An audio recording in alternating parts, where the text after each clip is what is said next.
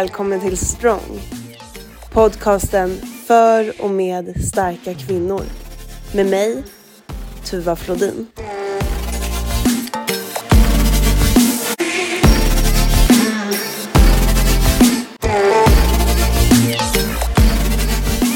Okej. Då startar jag inspelningen. Och eh, veckans gäst är Daniela Garnheim. Välkommen till podden. Ja, tack så jättemycket. Det känns kul att vara här och få lyfta det här ämnet som vi ska prata om idag. Det är både viktigt att prata om tycker jag och lyfta för andra i samma sitt. Verkligen, det håller jag med om. Jag är jätte, jätte tacksam över att du vill prata med mig om det här och speciellt eftersom eh, det är väldigt högaktuellt för dig. När jag har pratat om det här ämnet tidigare, vilket jag har gjort i eh, två avsnitt, eh, så har, har man liksom varit lite på andra sidan och nu känns det som att jag drar, liksom, eh, drar lite på det. Men vi ska ju prata om eh, IVF främst och eh, ofrivillig barnlöshet. Ja, Och när jag har pratat då tidigare med mina gäster då har det varit personer som har barn idag som har gått igenom IVF. Så att, att du vill prata med mig idag och fortfarande är inför det här och fortfarande då um, ofrivilligt barnlös är, det är stort och jag är jätteglad att du vill vara med idag. mm, tack så mycket. Fint. Vill inte du, eller jag hittade ju dig på, på Instagram eh, och där delar du med dig av din resa inom det här. Ja, men precis. Eh, och det var väl egentligen någonting som uppkom från min sida som en form av bearbetning. Eh, att jag ville kunna nå ut till andra i samma sits och den här ensamheten som så många andra också upplever just när det kommer till ofrivillig barnlöshet. Eh, den kändes så himla mäktig och stor där och då och jobbig att hantera. Alltså jag kände att jag hade behovet utav ett forum med andra liksom lika sinnade tänkte jag säga, men i samma sits. Eh, och då startade jag upp mitt konto och där heter jag ju Evelyn Heim. Så de som följer mig kanske blir lite så här, nej, när det var Daniela först, men det är för att eh, från början hette jag ju något ännu, jag tror det var Storken flög förbi på Instagram. Sen ville jag göra det lite mera personligt, så då tog jag liksom mitt mellannamn och sen typ halva efternamnet. och då kändes det typ som att nej men det här, det här kan bli bra. Eh, så på något sätt har jag ändå velat ha en liten skiljevägg mellan liksom mitt egna privata konto och mitt konto för eh, ja, men den här ofrivilliga barnlösheten och IVF-processen. Då. Ja precis och jag, eh, det är lite kul när du säger det för att jag har ju liksom haft lite koll på den här storken som flög förbi. Och då är det lite Ja. det, det var liksom du. ja, det var det.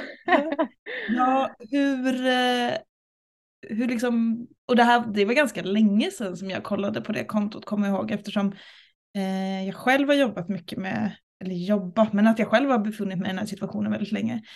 Ehm, hur, hur länge har du haft det så här, eller hur, hur har det sett ut för dig? Ja, alltså man utgår ifrån första, nu går jag tillbaka då, första graviditeten, det var ju hösten 2019 för min del. Eh, och sen lite kortfattat om jag kör vår historia här nu så är det ju att då blir vi naturligt gravida. Eh, och i vecka nio börjar jag blöda första gången. Eh, och då tänker jag ju ja, men, direkt worst case scenario för att jag är väldigt duktig på att göra det. Eh, att det är missfall, jag får komma in och kolla och de konstaterar då att det visar sig vara tvillingar. Eh, och att det ena fostret är kvar, det är två hingsäckar då, men det andra fostret är kvar i hingsäcken med hjärtaktivitet då. Eh, så att då blev jag hemskickad igen och det går nog inte riktigt att beskriva de känslorna för att det var ju verkligen som en berg och dalbana. Det gick från att tro att man är gravid med ett barn till två barn till att förlora ett barn till att där, jaha, men då har jag en reserv kvar. Eh, och sen så går ju veckorna och man försöker ju slappna av, men det ligger väl alltid någonstans i bakhuvudet också. Just för att man har varit med om det några veckor tidigare. Och sen i vecka 14 så börjar jag blöda igen och då är det liksom, kan inte jämföra det med första blödningen som jag hade utan nu kommer allt kan man säga. Och då visade det sig att det var ett MA som, eh, och det, det kan jag förklara också för lyssnarna som inte vet MA, så är det ju missed abor abortion ja, engelskan också. Det är ju för eh, kroppen inte har lyckats stöta ut graviditeten själv då och fullfölja själva missfallet på egen hand. Eh, så händer det ju att fostret är kvar i kroppen och kroppen fortfarande tror att den är gravid.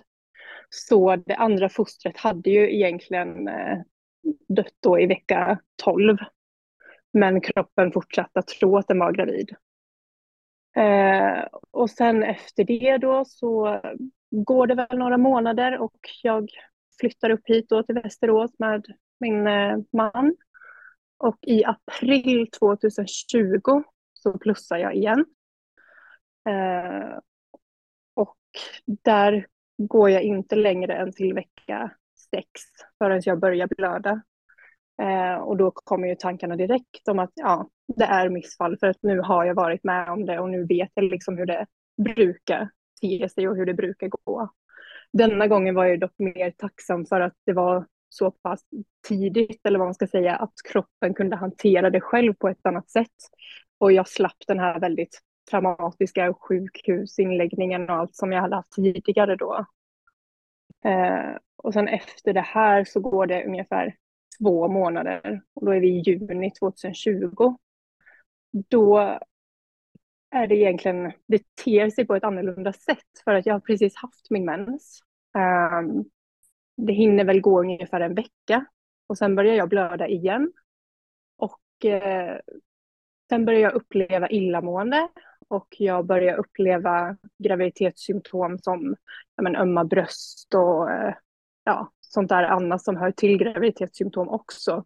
Och i och med att jag ändå ja, känner igen det ganska väl för att det inte har gått så lång tid mellan de andra graviditeterna så tar ju jag ett graviditetstest och det visar sig då vara positivt. Eh, och då så ringer jag för att eh, ja, men, få lite rådgivning kring om det är ytterligare ett missfall eller inte. Just för att det känns som att något är annorlunda med blödningarna. Eh, men jag får ju sagt då att jag ska vänta och avvakta fyra veckor och ta ett nytt test. Och där och då kan jag väl säga att i efterhand är jag glad att jag inte lyssnade på vården. För att det hinner ungefär gå en vecka och sen får jag jätteont eh, på höger sida i höger äggledare. Det börjar liksom sticka och verka och allt sånt där och jag får komma in eh, till sjukhuset för att kolla upp det och då tar de blodprov och ser att mitt HCG, som är graviditetshormonet då, fortsätter stiga men i väldigt långsam takt. Så att det är där de börjar misstänka ett eh, utomkvedshavandeskap. Och då får jag gå på rutiner, jag tror jag fick komma in en vecka senare igen då för att försöka lokalisera med ultraljudet för det är så himla svårt i det tidiga stadiet att se var själva graviditeten har satt sig. Ehm, men sen så blir det i alla fall att vi hamnar i beslutet om att det kommer krävas en operation för min del och jag får operera bort min högra äggledare. Och sen är det då efter den operationen som var i början på juli 2020 så har ju vi försökt att skaffa barn igen och allt som har att göra med ägglossningstester och tämpningar och hela köret. Men det har inte resulterat i ett plus igen. Så att eh, det blev liksom naturligt för oss att gå vidare med IVF nu. Som vi är i start, startspurten för. Ja, Eh, så om jag har förstått det rätt så har du varit gravid tre gånger. Precis. Första gången med tvillingarna Ja. och sen en till gång. Och sen, ja. just det, och med tvillingarna så blev det ett MA då. Ja. När kroppen då, va- varför skiljer man liksom missfall och missabortion? Abor abortion? Ja, det är ett svårt ord det där. Abort, ja, ja. Nej men alltså missfall är väl mer för att då, då stöter ju kroppen oftast ut det på en och samma gång av sig själv liksom.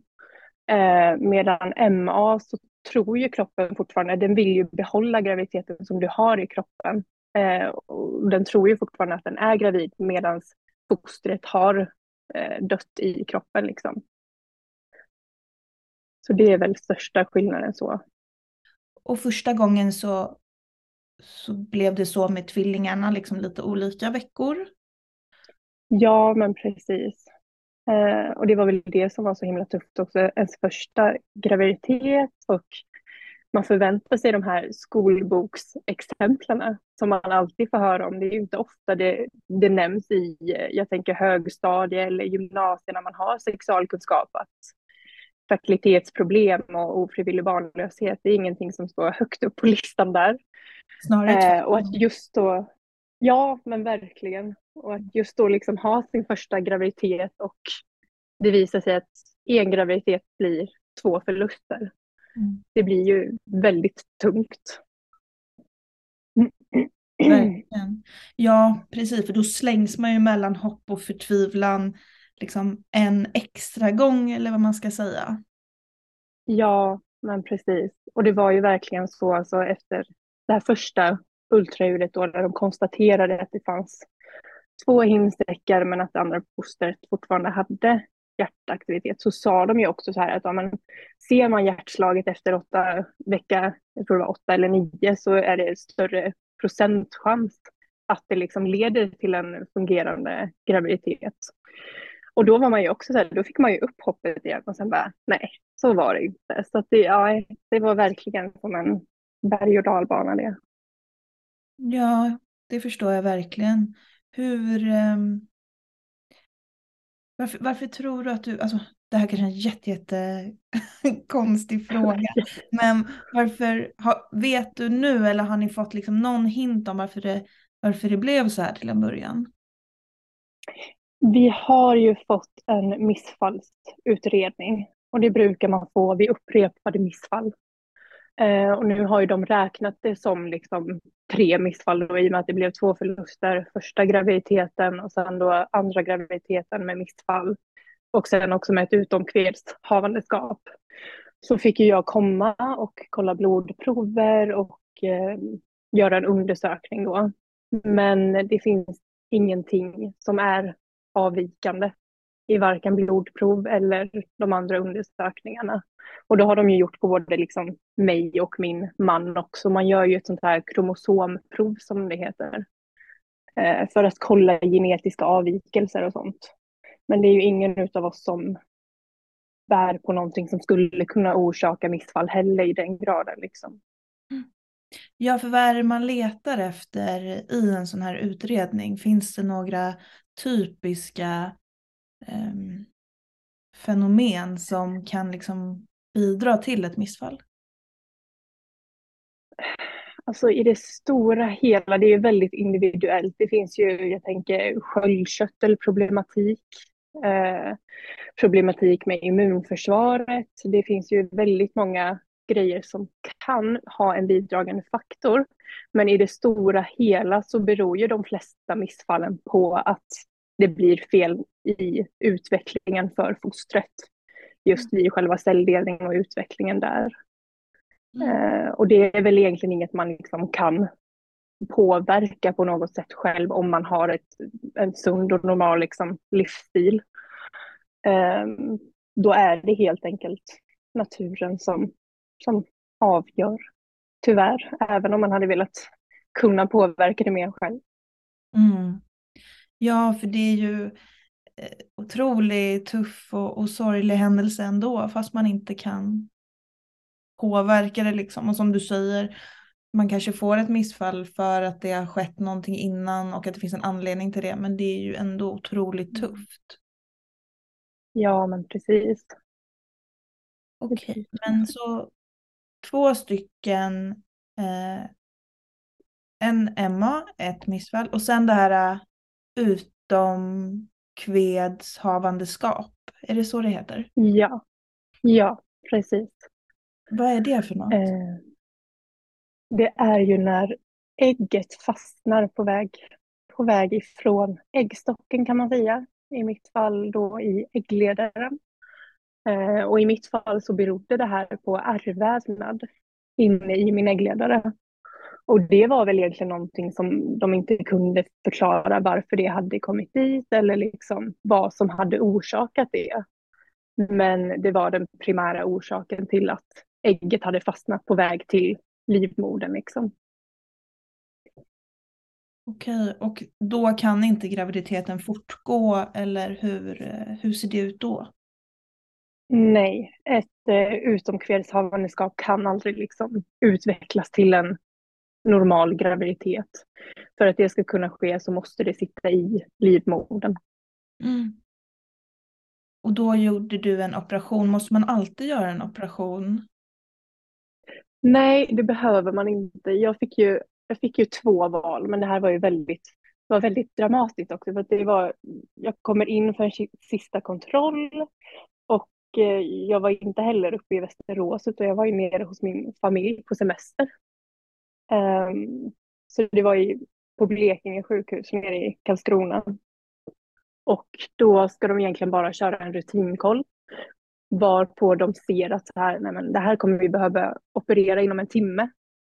För att jag har redan liksom börjat läcka ut blod i buken, en form av inre blödning då som kommer ifrån min äggledare som har börjat brista. Eh, och brister den så kan det ju komma ett, i ett väldigt farligt tillstånd liksom. Eh, för att det är ett väldigt allvarligt tillstånd just med utomkvedshavandeskap som inte upptäcks. Eh, och då var det ju, ja, men jag, vet, jag kommer ihåg att de berättade att eh, det finns ett alternativ och det är att ta en form av cellgift som då, jag vet inte riktigt hur det går till, men ja, jag ska inte uttala mig för mycket om det då heller, men jag fick välja mellan att ta en form av cellgift som skulle hjälpa till att få ut ägget utan att behöva operera bort min äggledare. Men i mitt fall så rekommenderade ju läkaren en operation just för att eh, man, man anade att det var äggledaren som var skadad. Och då är det mycket bättre för ja, men framtida graviditeter eh, att ta bort en skadad äggledare än att utsätta sig och det skulle kunna hända samma sak igen. Ja, just det. Att nästa graviditet också skulle fästa sig på den högra då. Ja, precis. Just det. Och efter det då så har ni försökt men inte blivit gravida på naturlig väg. Mm. Och nu har ni fått beviljad IVF. Ja, det Mm. har vi. Så att nu är vi precis i startskottet. Jag ska nästa vecka hämta ut receptet på sprutorna och eh, teststicka mig själv. Så ja, Hur, eh, hur känns det? Ja men det känns, ja det är en blandning utav en miljon olika känslor skulle jag nog säga. Samtidigt som det känns spännande så känns det läskigt och det är någonstans också en form utav sorg. För att in i det sista så har man ju ändå hoppats på att kroppen på något sätt skulle kunna hantera det naturligt och att det ska ske ett sånt här mirakel som man så ofta kan läsa om liksom. Eh, och att då inse att nej, vi kommer behöva hjälp med det här för att annars kommer vi inte framåt. Det blir ju också en, ja, men, en liten sorg i sig. Men samtidigt är jag så otroligt tacksam för att det finns den hjälpen att få som vi ska få. Eh, och det gör ju mig hoppfull också. Men jag bara, men nu är det mycket på samma gång. det är ju också den där oron som hänger sig kvar just på grund av mina erfarenheter. Mm. Um, ja. Ja, och för de som inte vet det då, när man gör en sån här utredning för att få bli beviljad en IVF-behandling, då går man ju igenom lite olika tester och eh, eh, förutom då att, att mannen lämnar eh, spermaprov och eventuellt lite blodprover så eh, går man ju som kvinna igenom nu får du liksom vara med mig lite här för det känns som att det här gjorde du kanske tydligare än vad jag gjorde. Men man, man lämnar sina blodprover. Ja. Man, man, man blir ju spolad. När blir man spolad?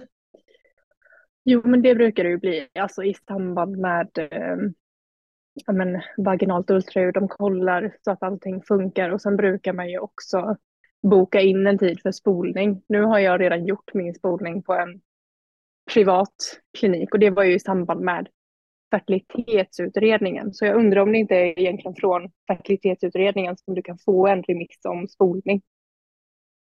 Om jag inte är helt ute och cyklar. Jag tror det normalfallet kan vara så. Ja, och då ska man ju då spola eh, äggledarna. Visst ja. Ja, och i mitt fall äggledaren då.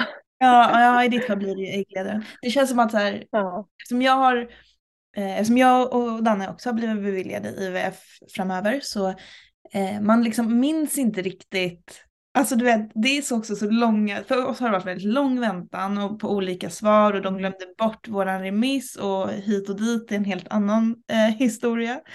Eh, mm. Men att man kommer liksom inte ihåg riktigt så här, det där testet, varför gjorde jag det och det där testet och undersökningen, vad, vad, vad in, vilken del ingick det här i? Var det utredningen mm. eller var det beviljandet eller var är vi liksom? Ja. Ja, nej men precis. Det är ju så himla mycket, det är ju en sak som kommer med IVF också, så himla mycket nya begrepp att hålla koll på. Eh, det är ju verkligen, man kan ju sitta och klia sig så mycket i huvudet när man läser journalen och bara Jaha, och det här betyder? Försöka googla runt som en galning liksom. Ja, precis. Hur, liksom, hur går dina tankar kring, eh, kring det här och kring resan som kommer nu? IVF, vad, vad betyder det här för dig? Ja, men jag försöker ju på något sätt även, även ifall det bitvis är lite tufft att lägga de här gamla erfarenheterna bakom sig, så försöker jag ju också se på det som liksom en, en ny start. Eh, att nu kan vi liksom vända blad och kanske komma framåt efter alla dessa år. Liksom. Eh, sen är det ju såklart att den här rädslan kring att veta att man aktivt utsätter sin kropp för en graviditet gör ju också att man utsätter sin kropp för en ny förlust på ett sätt. Och den tanken brottas väl jag väldigt mycket med. Eh, för att det är ju en annan femma om man tänker att, för jag, jag har ju spekulerat och jag tror ju att problemet är att äggen liksom inte kommer fram till livmodern. Eh, just på grund av att jag hade väldigt täta graviditeter innan min operation men efter operationen så har det ju inte funkat på samma sätt. Och nu när det då kommer komma fram till livmodern fast på ett annat sätt så är jag mer, ja, vad ska man säga, rädd? Nej, inte rädd heller men ah, ja, man känner att man, eh, man behöver stålsätta sig på ett annat sätt än vad jag kanske tänkte när jag försökte naturligt. För då blev det så himla mycket vardag. Att så här, nej, det kommer inte ha gått och det kommer inte komma något plus. Och då var man så himla inställd på att det, det är samma gamla provsvar på det där graviditetstestet som vanligt. Mm. Ja, hur såg det ut för, för er då? Eh, vi backar bandet lite från då eh, den sista graviditeten tills nu. Hur har ni liksom mm hur har du och ni arbetat med det här? Liksom, hur har ni jobbat med, med både er, er relation, er själva, men också önskan och viljan om att få ett barn?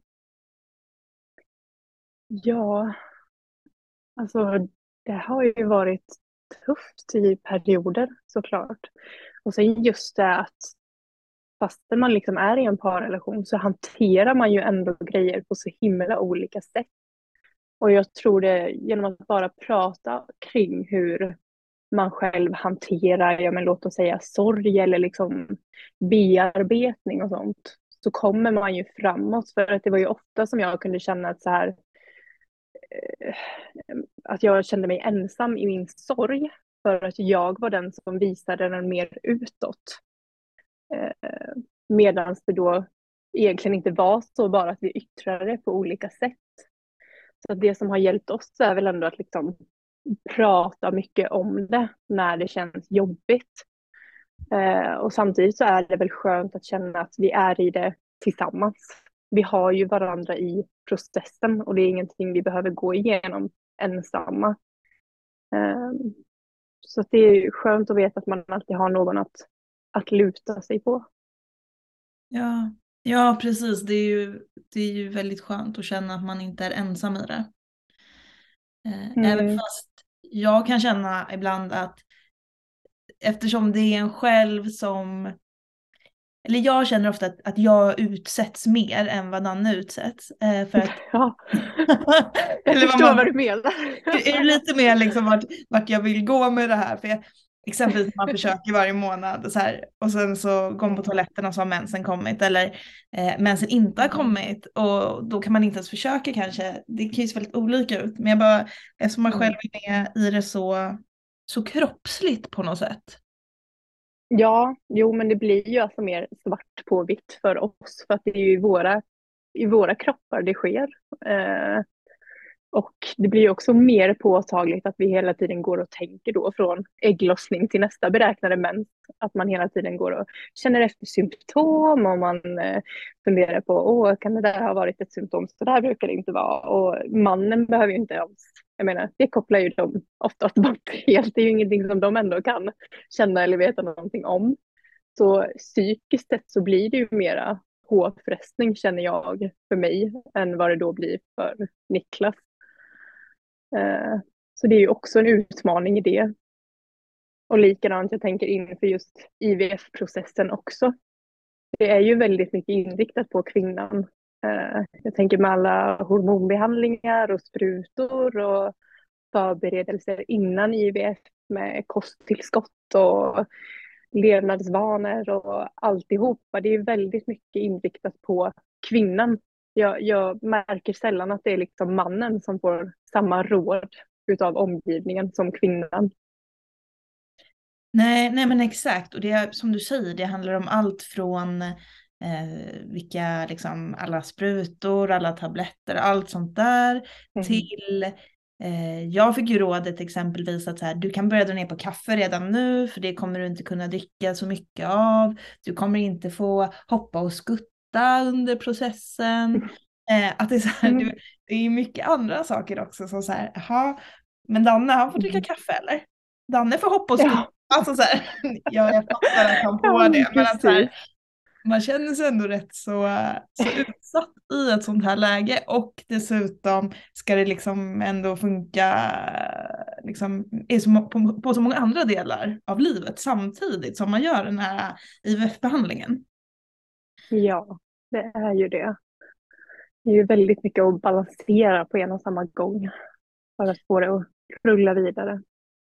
Verkligen, jag tänker i alla fall så som jag upplevt det eh, när man har fått eh, haft så planeringsmöten och så, så pratar de ju mycket om att mm.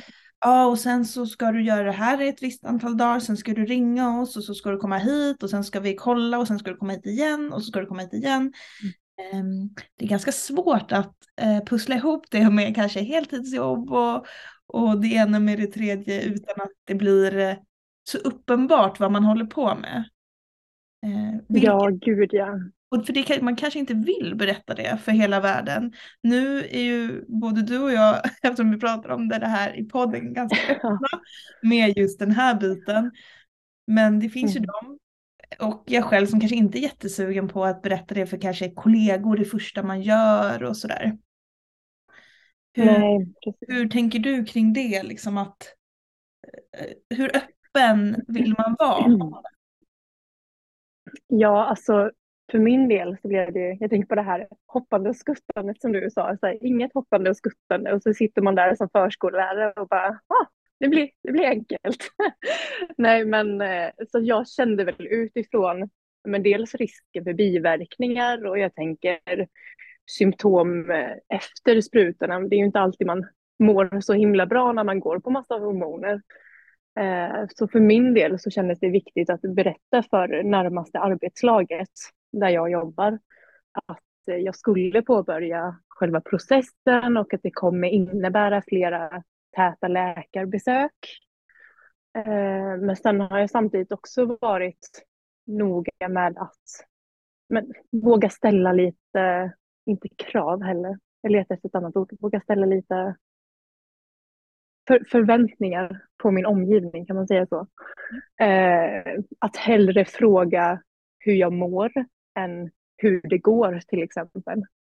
För att det är någonting som kan stressa mig lite, just att det kan lyftas ur det blå. Och då kanske det är en stund eller en dag när jag inte alls känner för att prata om IVF-resan eller försök med barn. Och då känns det mycket skönare för min skull att jag får lyfta det när jag vill och när jag känner mig redo. Så att det är väl det jag har tänkt extra på när jag har valt vilka jag ska berätta för. Jag tycker ändå att det var en väldigt bra, alltså en bra grej som man kan ta med sig för de som går igenom det här. Att, eh, för man vill heller inte bli utesluten så att det inte är någon som frågar hur man mår eller liksom eller så. För man vill ju vara med samtidigt som man också vill ha ett val när man pratar om det. Så det var ett bra tips mm. för de som är i samma situation. Att så här, ja, men säg, säg, fråga gärna hur jag mår, men, mm. för då kan jag själv lyfta hur det mm. går. Ja, men precis. Med det hela. För det är ju som, som du är inne på, liksom. det är skittufft och eh, hur tar man liksom hand om sig själv när man är ofrivilligt barnlös. Bara det ordet, alltså du vet så här, det tog jättelång tid för mig att liksom lite landa i det och jag tror inte jag har landat riktigt i det än. För det låter Nej. så det låter så jäkla starkt. Ofrivilligt barnlös. Mm. Ja, det är ju ingenting som någon är förberedd på att bli. Det är ju ingen som liksom vet att man hamnar där. Um, och det är väl det som är en stor del av bearbetningen också. Um, att någonstans försöka finna en acceptans i var man har hamnat och var man är nu. Uh, och för min del så har det väl hjälpt mycket just att försöka acceptera mina känslor. Ehm, att jag har dåliga dagar och att det är okej okay att ha dåliga dagar. Och att min ork inte kommer vara på 100 procent varje dag, även om jag hade velat det. Eh, och på något sätt påminna mig själv om att vara ja, men snällare mot mig själv. Eh, för kroppen och psykets skull. Mm.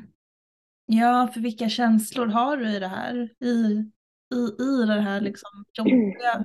Vad, vad är det som, som sker i kroppen? Ja, men alltså jag tänker det är ju allt, allt möjligt. Dels sorgen som man fortfarande bearbetar. Eh, och just den här, ska man säga, oskuldsfullheten kring graviditet. Jag vet ju att när, eller om, ska jag säga, jag blir gravid igen så kommer jag ju inte kunna slappna av. Jag kan inte riktigt känna att jag litar på kroppen. Man kan inte riktigt känna att jag kan lita på ett visst antal graviditetsveckor heller. Jag har liksom svårt att finna trygghet i eh, ja, men, en kommande graviditet. Och det är ju någonting som jag förmodligen kommer brottas mycket med. Eh, men om man tänker andra känslor och så också så är ju i det stora hela ofrivillig barnlöshet en, ja, men en stor exkludering kan man säga man känner sig ju utanför i sammanhang, i de flesta sociala sammanhang. Jag tänker det räcker med att gå till jobbet och prata med kollegor som nämner deras barn och ja, det är liksom mycket som hela tiden påminner en i ens vardag som man måste på något sätt försöka navigera sig igenom. Mm, hur gör man det då enklast? Hur navigerar man sig igenom hur navigerar man sig igenom det här? ja, hur gör man? Man får försöka tänka en dag i taget. Men det är också extremt svårt. För att man vill så gärna ha svar. Och man vill så gärna veta. Och man vill så gärna bara kunna vrida fram tiden lite för att kunna veta att det kommer lösa sig. Men det är ju det som är det hemskaste också, att man lever i ovissheten. Um, som inte ger några svar eller garantier. Nej, det är ju en väldigt existentiell fråga också tänker jag. Det handlar ju om mm. Handlar liksom om hela ens framtid. Det, det blir så väldigt ja. stort hela grejen. Um, mm. Och hur, hur man hanterar det är ju väldigt olika men jag tänker den fysiska delen är ju en sak, eh, att man tar hand om sig själv och att man ser till och liksom rustar sin kropp på bästa möjliga sätt för en eventuell graviditet. Men hur, hur rustar man sitt psyke i ett sånt här läge? Ja, det är ju jättesvårt. Men jag tänker mycket så här att försöka omringa sig med folk som förstår också. Ehm, som man känner sig trygg med. För att det jobbigaste, det är ju alla frågor, alla råd och tips som man själv inte ber om. Att behöva tackla dem när man själv är mitt i allt och ska navigera känslor och försöka liksom hålla huvudet över ytan. Det är ju någonting av det svåraste tycker jag. Mm. Ja, alltså jag skratt, eller du, nu såg du på skärmen kanske att jag liksom fick hålla mig lite för skratt för jag tänkte på en grej som hände. Det var, nu var det inte jättelänge sedan men eh, jag pratade med en kompis och eh, hon frågade så här. Ja men, men du, du, du kanske ska äta lite folsyra? Som en så här, då blir det barn. Yes! Gud så bra, mm. jag äter lite folsyra så blir det barn på en gång. Nej men du vet, det var ett sånt där råd som man inte har bett om. Eh. Och det kanske låter liksom hårt att man så här, inte vill ha råd eller att man tycker att folk får inte fråga hur det går. Det kanske låter hårt men samtidigt så eh, om man inte har varit ofrivilligt barnlös, om man inte upplevt det, eh, då mm. kan man aldrig förstå hur det känns. Nej, precis. Det är ju verkligen så. Och det är ju, ja, det känns ofta som att det är så himla normativt just det här att det ska vara lätt att skaffa barn och det är väl klart att det finns inga problem med det och om man själv har upplevelsen att jag har haft det lätt att skaffa barn då blir det ju också att man går in med den inställningen med andra också. Eh, och kanske ställer de här frågorna och tar antaganden, just de som vi tycker är jobbiga liksom. Eh, så det är ju alltid en, en svår balansgång att gå där också. Ja, för som du säger, man känner sig väldigt exkluderad och det vill man ju inte. Man vill ju inte att eh, man vill inte bli det, men man vill heller inte att eh, de runt om en aktivt gör val som gör att man blir exkluderad. Eh, kanske av välvilja, kanske för att de vill liksom eh, vara snälla mot en att säga nej men du ska inte behöva gå på ett, eh, en baby shower så vi bjuder inte dig liksom. Mm. Men det, alltså, det där tycker jag är så himla himla svår situation för att man vill inte man vill inte bli exkluderad, man vill ändå få känna att man är med, att, att det är okej okay, liksom. Ja men precis. Och hellre ta ett eget, eget ställningsantagande efteråt än att som du säger till exempel med en baby shower inte bli inbjuden. Um, då vill man ju ändå själv kunna landa i sina känslor och ta ett beslut efter det. Ja, jag tänker att man, man vill ju välja lite också och där tänker jag att det är superviktigt att poängtera eh, det här med Instagram också och sociala medier. Mm. Att eh, Jag såg, det var nu har jag faktiskt glömt bort vilket konto det var, men det var en tjej som hon har liksom byggt hela sin, eh, sin profil kring eh, den här ofrivilliga barnlösheten och eh, eh, fått jättemycket följare och eh, jobbat mycket kring det här och sen blev gravid, vilket var eh, väldigt, väldigt kul att se. Och då gjorde hon något så himla Mm. fint. Jag tror att jag har nämnt det i något poddavsnitt tidigare, men det kan vara så att jag inte har gjort det. Men jag, jag drar det igen för jag tycker det var så otroligt fint. Eftersom hon har byggt hela sin business liksom, och hela, hela sin eh, ja, men närvaro på sociala medier kring eh, den här ofrivilliga barnlösheten så var det så fint att hon, när hon blev gravid, gjorde hon ett inlägg där hon skrev att eh, jag vill göra den här resan med er, men jag har 100% förståelse för att ni avföljer mig nu.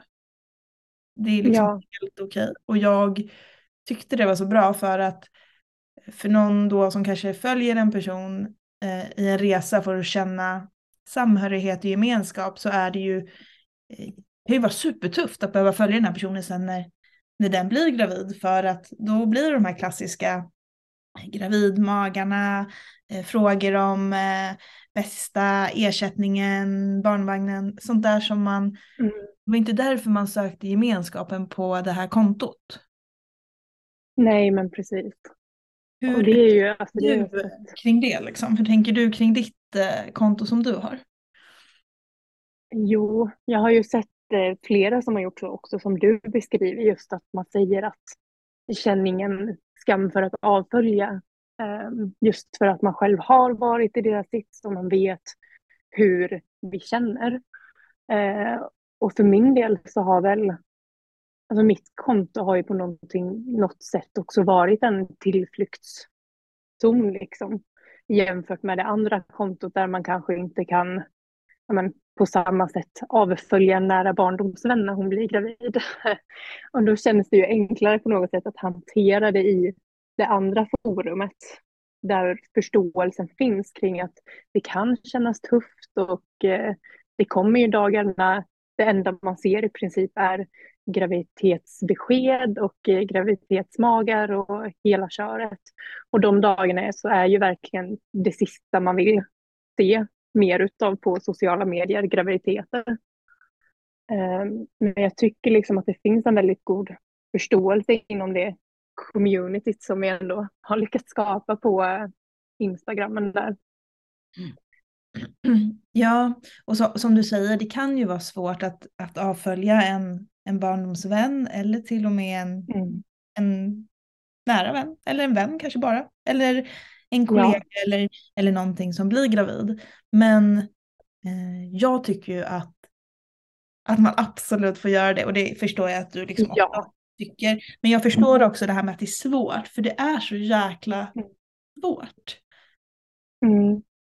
Jo, men det blir ju en annan, alltså man hamnar ju i en annan sits på ett sätt. Ehm, självklart ska man göra det, men tanken inom mig har ju ofta blivit så här också att ja, men då kanske det uppstår frågor kring varför jag har avföljt personen.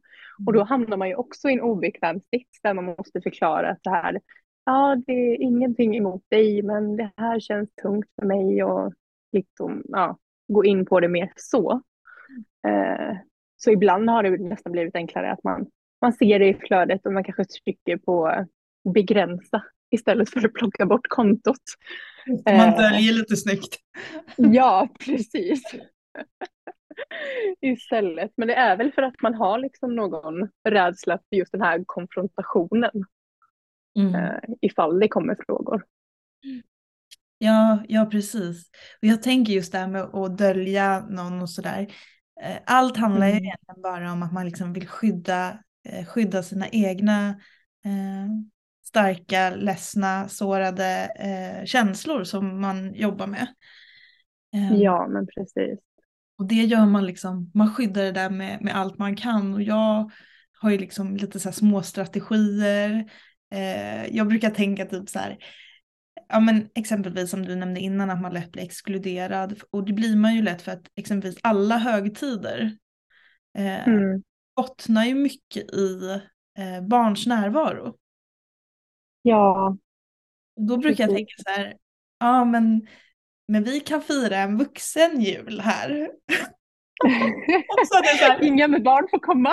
Nej, men, hör, alltså, jag fattar ju, alltså, jag hör ju hur det låter, men så här, om man har strategier för så här, eh, för hur man ändå ska tycka liksom att, ja, men, att det ändå är en fin grej här och nu. För att det, det, efter några år i den här bubblan så måste man ändå på något sätt hitta ett här och nu. Ja, precis. Hur Och sen brukar man ju också Ja, men jag tänker på det här, eh, man har, hör ju ofta också det här uttrycket att så här, det betyder inte att jag inte är glad för din skull.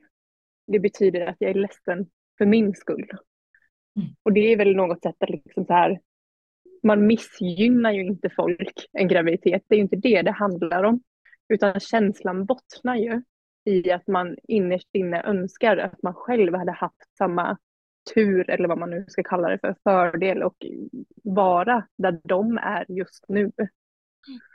Mm. Um, och sen har väl jag också, jag har så lite strategier också att på de värsta dagarna när man bara vill slänga telefonen i väggen, men lite så, så försöker jag ju tänka att så här, deras fertilitet påverkar ju inte min fertilitet på något sätt. Så att även om de har lyckats betyder ju inte det någonting om att inte jag kommer lyckas eller liksom att inte det kommer vara min tur snart. Även om det liksom är lätt att gå in i tanken att Åh, nu får de, jag kommer aldrig få.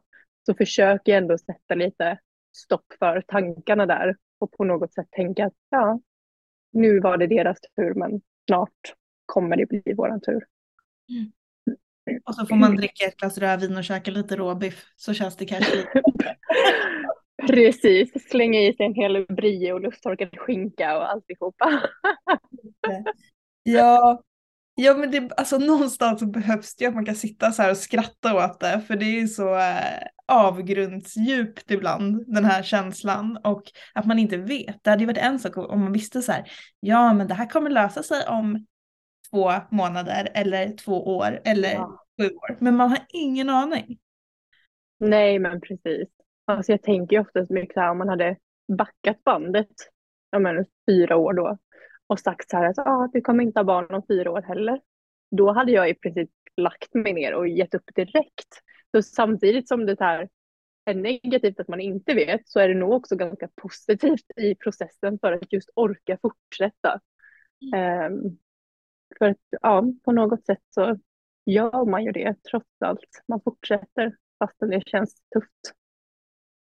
Ja, ja man fortsätter. Man har ju någon liksom inre drivkraft till att så här, men nästa gång, men nästa gång. Ja, eh, jag tycker att det är väldigt fint att du har det här kontot och jag eh, eh, vill ju ändå skapa en öppenhet kring det här. Så jag tänker att, att när jag sen då ska påbörja min IVF, att jag ändå ska vara relativt öppen med det. För att jag tycker fortfarande att det är lite, det är lite för liten öppenhet kring det. Och som vi sa i början, det man lärde sig i skolan var att man kunde bli gravid bara man tittar på en snopp liksom. Så att eh, eh, det vore superbra om det kunde bli mer förståelse för, för att det faktiskt kan vara en utmaning att bli gravid.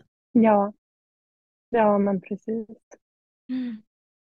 Ja, jag tänkte att jag skulle gå in på mina sista frågor till dig. Ja. Eh, och då eh, lyder ju den eh, första frågan om det finns någon kvinna som inspirerar dig och i så fall varför? Ja, och så här satt jag och tänkte igår och försökte så här, okej jag ska välja en, vem ska jag välja? Men sen kom jag fram till att det är, alltså, det är flera kvinnor och nu tänker jag på kvinnorna som hänger inne på mitt Instagramkonto. Alla kvinnor som delar sina upplevelser och som delar sina erfarenheter. Alla kvinnor som dagligen peppar varandra och stöttar varandra och finns där för varandra i de här tuffa tiderna. De vill jag lyfta lite extra, för det är också de som har gjort det så bekvämt för mig att vara öppen med den här resan. Ehm, så att jag skulle säga att deras mod inspirerar mig att inspirera andra. Gud vad fint. Det, är helt, eh, helt klart eh, kvinnor som är värda att lyfta flera gånger om. Det är fantastiskt att det Mm. finns, finns de, du, ni, er som liksom men visar den här sidan också. Det, det behövs fler. Ja, precis. Ehm, mm. Om du visste att du skulle lyckas med någonting, vad hade du gjort då? Ja, alltså när jag tänker på att lyckas så tänker jag ju främst på att det har varit en ändå ganska stor alltså, mental utmaning att våga prata om det här ämnet öppet och att våga ha ett öppet Instagramkonto. Eh, och jag delar ju ändå väldigt liksom, personliga texter. Och för min del så har ju det varit ett sätt att men, lyckas för att jag har märkt att jag har ju mått bättre utav att öppna upp mig. Men eh, det har ju inte alltid varit så. Jag har ju varit en väldigt stängd person innan och man levde i det här att missfall var tabu och det här var ingenting man skulle prata om på det sättet. Eh, så för min del så är jag ändå stolt över att jag har vågat prata om det.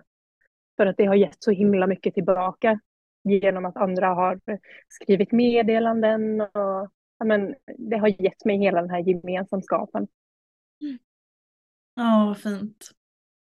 Så fint. Mm. Jag hade liksom, man hade velat, ehm, man hade velat skapa någonting liksom, något event eller något större, något liksom, ett forum där, där alla bara kan så här, eh, kliva in och känna att så här, här får jag vara ofrivilligt barnlös men ändå en i gänget liksom. Ja men vet du, jag har faktiskt tänkt på det. Jag tänkte så här, jag vet inte, jag bara spånade iväg. Tänk om man hade haft typ en spa-weekend en gång om året för bara barnlösa. Och bara få hänga där, du vet, man äter god middag, man dricker lite vin och man liksom bara får träffa människor med samma upplevelser och erfarenheter och utbyta tankar. Ja. Det Nu- hade varit något. Nu ryser jag. Ja, jag visar. Det är så bra grej. Ja, Det, det här måste vi ju eh, klura lite på. Ja, vi får köra ihop det här. det? Det hade varit så nice. Ja, ja gud ja. Råbiff och rödvin. Ja, precis. Märks att jag älskar råbiff. Ja.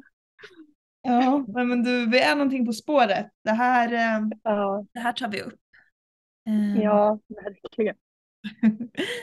Men eh, om du kunde gå tillbaka då och ge dig själv ett tips eller råd, vad hade du sagt då? Mm. Då hade jag nog sagt att stanna upp och våga känna dina känslor. För att jag var väldigt duktig i början på att trycka bort det och låtsas som att ja, mina känslor bara kunde ligga och puttra under ytan. Ehm, så att där hade jag velat säga att tillåta dig själv att må dåligt och att sluta förminska din sorg för att den är betydelsefull. Eh, framför allt för hur väl man lär sig hantera det med tiden. Eh, I början som sagt så ville jag ju inte varken prata med terapeut eller psykolog eller någonting överhuvudtaget. Eh, för att jag kände att men jag kunde hantera det själv och jag kunde ignorera det lite. Eh, men i det långa loppet så har det ju varit mycket bättre att bearbeta allt som har, som har kommit i min väg. Även om det är enkelt att sitta och säga nu, för det är ju en stor utmaning i sig. Och alla hanterar ju det så himla olika.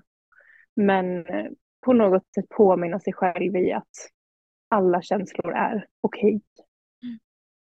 Ja, det låter som att du har jobbat en hel del med det. Är det så att du har tagit hjälp och pratat med en psykolog eller kurator under den här perioden? Ja, alltså första, vi blev ju så här erbjudna kristerapi heter det ju då efter första förlusten. Just för att det var en väldigt traumatisk sjukhusupplevelse. Men där och då så kände jag ju att nej, jag eh, orkar inte ta tag i det för jag orkade inte känna mer. På något sätt så försökte jag liksom skydda mig själv från känslorna. Ehm, men sen, det är också ganska fint, jag får så här lite gåshud när jag pratar om det. Barnmorskan som eh, tog hand om mig den dagen när jag låg inlagd. Hon hade lämnat en anteckning på det här pappret. Och där hade hon skrivit någonting i, del, i stil med att eh, det är enkelt att inte stanna upp och känna det nu. Men det är fullt normalt att du kommer känna det sen. Eh, ta hand om er och jag hoppas att vi ses på BB nästa gång. Och det blir så här, gud jag blir nästan tårögd när jag tänker på det. Jag med, jag med. Eh, ja, nej men och då blev det liksom mer att då vågade jag ge det tid och tids nog vända mig till att prata med någon inom vården också. Eh, och då blev det att jag pratade med en psykolog. Var det skönt? Mm, ja, det var det. Vad bra. Ja, det där, Ja. det där var... Jag små, smågråter lite. Det där var, det var Ja. otroligt fint. Vilken fantastisk människa som lämnade det där till dig. Ja, verkligen. Det är synd att jag inte kommer ihåg vad hon hette, för då hade jag nämnt henne, men kommer inte ihåg. Nej. Tyvärr. Tänker det finns så eldsjälar. Jag tänker, det känns som det ofta blir så i de här avsnitten att, att, vi, eller att jag eh, sitter och ifrågasätter liksom, eh, vad som händer inom vården. Och det är ju såklart inte Mm. hela bilden av liksom, vårdsystemet. Det finns också eldsjälar som gör, eh, eller det är jättemånga som gör lite magiska eh, insatser. Det, det är aldrig så jag menar i, när, vi, när jag pratar om vården. Eh, så det känns jättekul att även få lyfta det. Att, tänk vilka fantastiska människor som också gör att, som, som också påverkar. Som gör att det känns lite Ja. lättare. Ja, gud ja. Verkligen. Så fint. Eh, här brukar jag ju, eh, eller jag liksom har ju ställt mina tre frågor.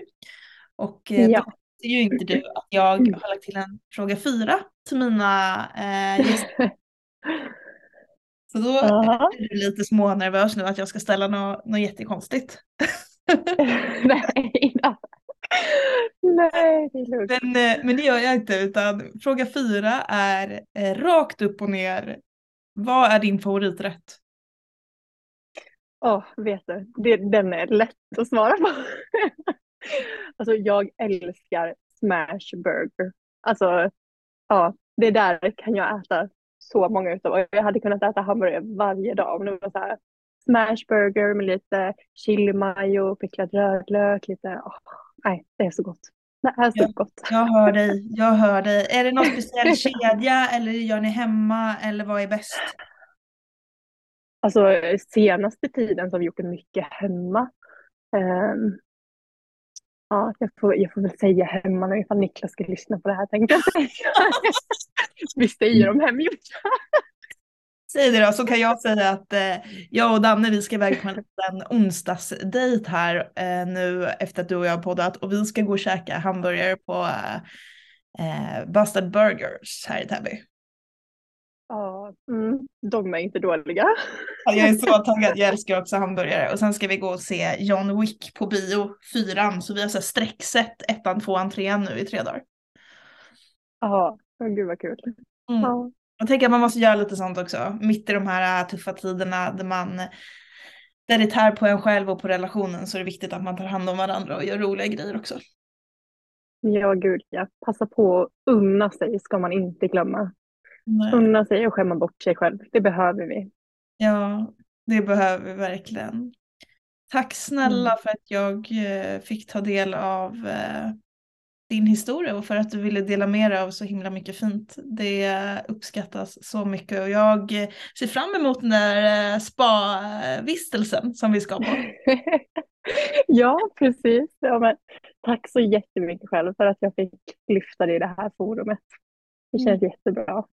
Bra. Lycka till med IVFen. Jag eh, kommer att följa din resa framöver. Ja, tack, tack så jättemycket. Och lycka till själv också. Ja, tack.